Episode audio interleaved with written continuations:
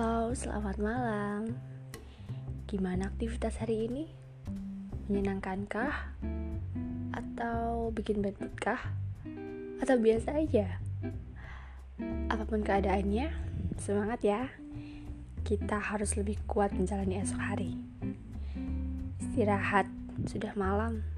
Dan terima kasih sudah menyempatkan waktunya untuk mendengarkan podcastku. Semoga cerita-ceritaku bisa jadi pantat tidur kalian dan semoga bisa menginspirasi kalian.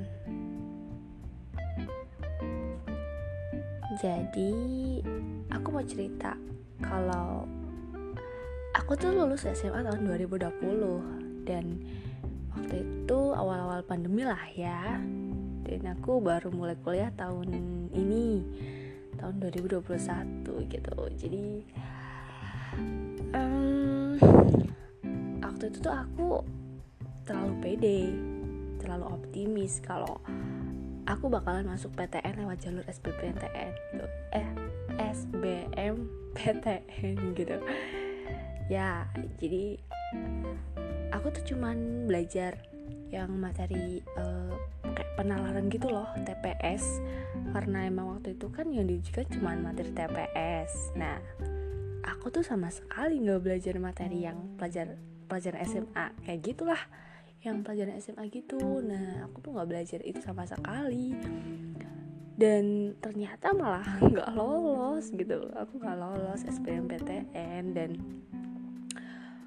uh, karena nilai UTBK aku rendah um, rendah banget malah. Cuman 508 kalau nggak salah dan karena aku nggak belajar sama sekali yang pelajaran SMA jadi aku mikir um, ya udahlah percuma kalau aku ikut ujian mandiri. Ya peluangnya kecil juga buat lolos gitu. Jadi um, kalau daftar swasta pun emang aku nggak minat sih. Uh, ya pengennya aku kan di negeri gitu kan kalau kuliah. So I decided to delay my study in a college.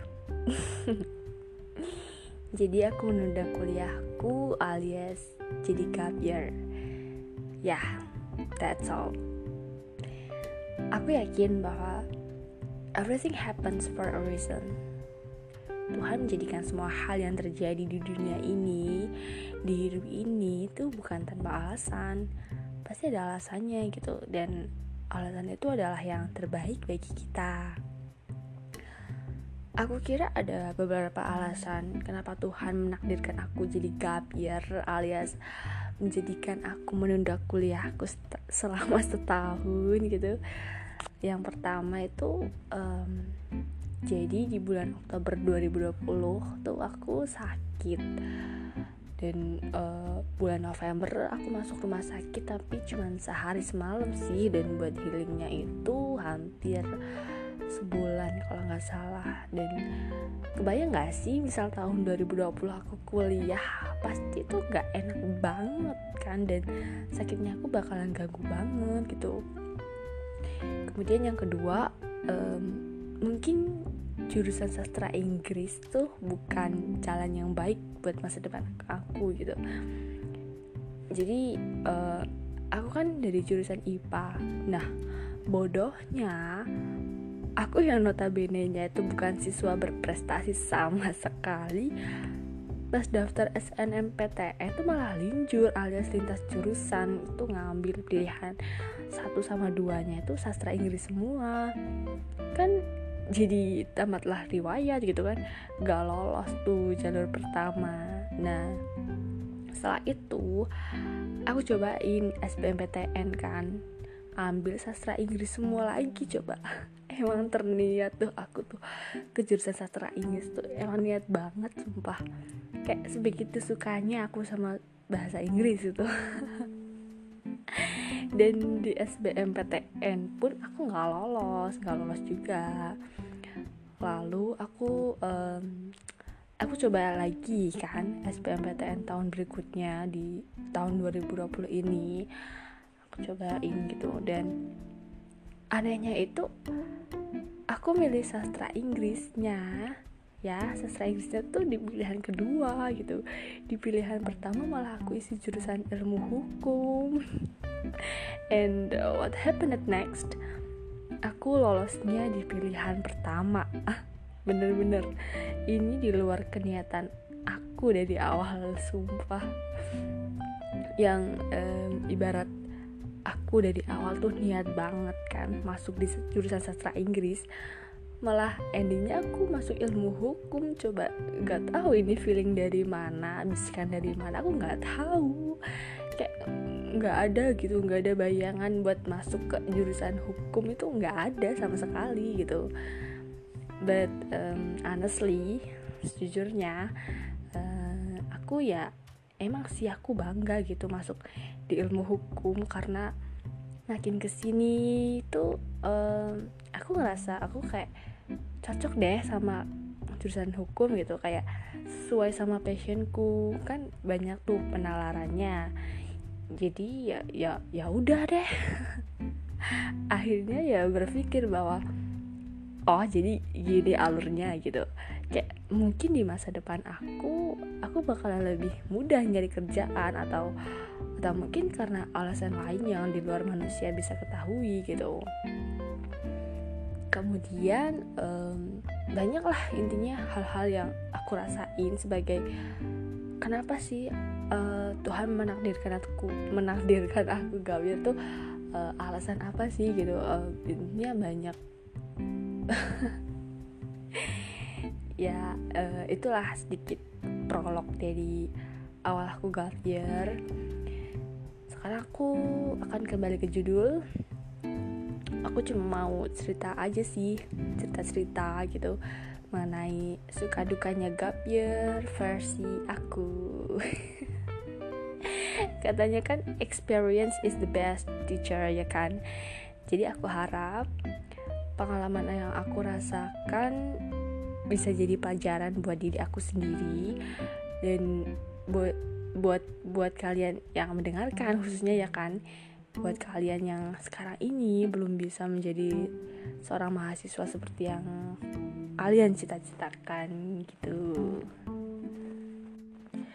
So, aku mau mulai dari dukanya dulu. Oke. Okay? Jadi yang pertama, dukanya itu datang karena ada perasaan kecewa sedih, marah, menyesal, down itu jadi satu bener-bener satu-satunya penyemangat yang gak bikin semangat adalah LTMPT sumpah.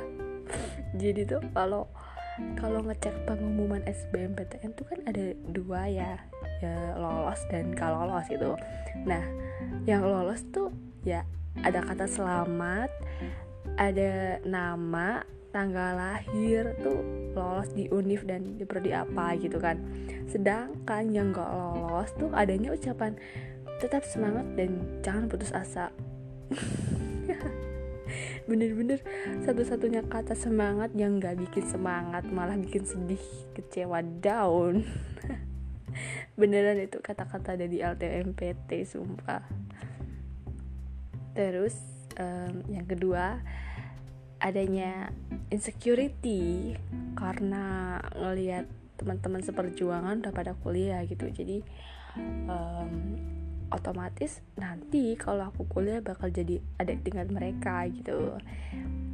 Kemudian yang ketiga kalau lagi noki gitu teman-teman seperjuangannya udah pada kuliah tadi tuh bahasnya tentang dunia perkuliahan. Sedangkan aku kan belum ngerasain dan ya otomatis nggak tahu tuh. Jadi ya mau gak mau cuman dengerin percakapan mereka gitu terus yang keempat waktu awal-awal gapir tuh aku nggak tahu mau ngapain gitu. Kayak gabut banget gak sih? Kayak belum punya rencana aja. Kayak duh setahun ini mau ngapain ya? gitu.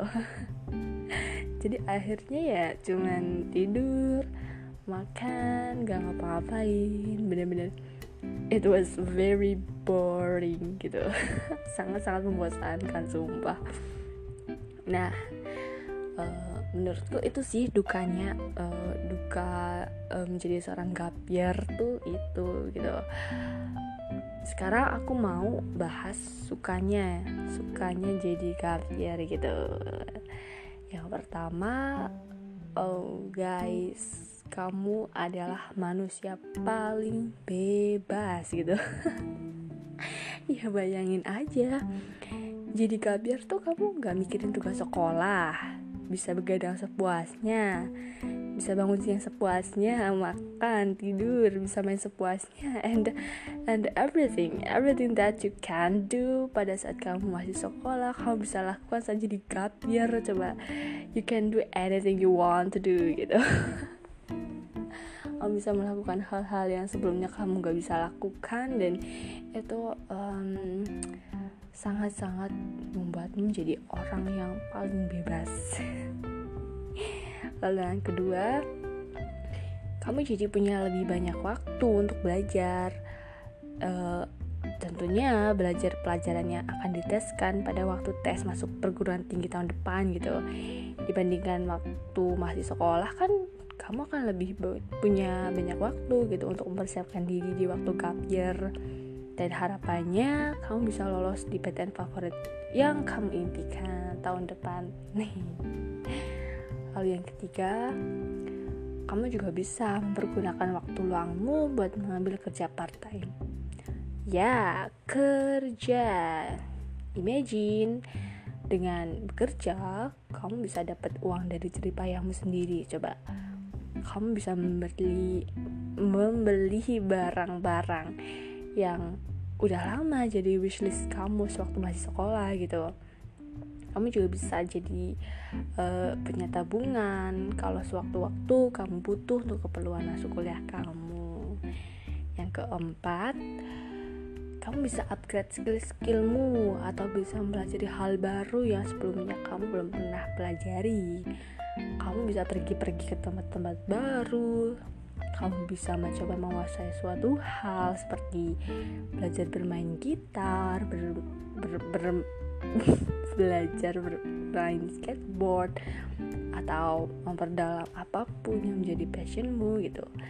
Kamu dapat memperbanyak pengalaman di waktu-waktu luang kabiar.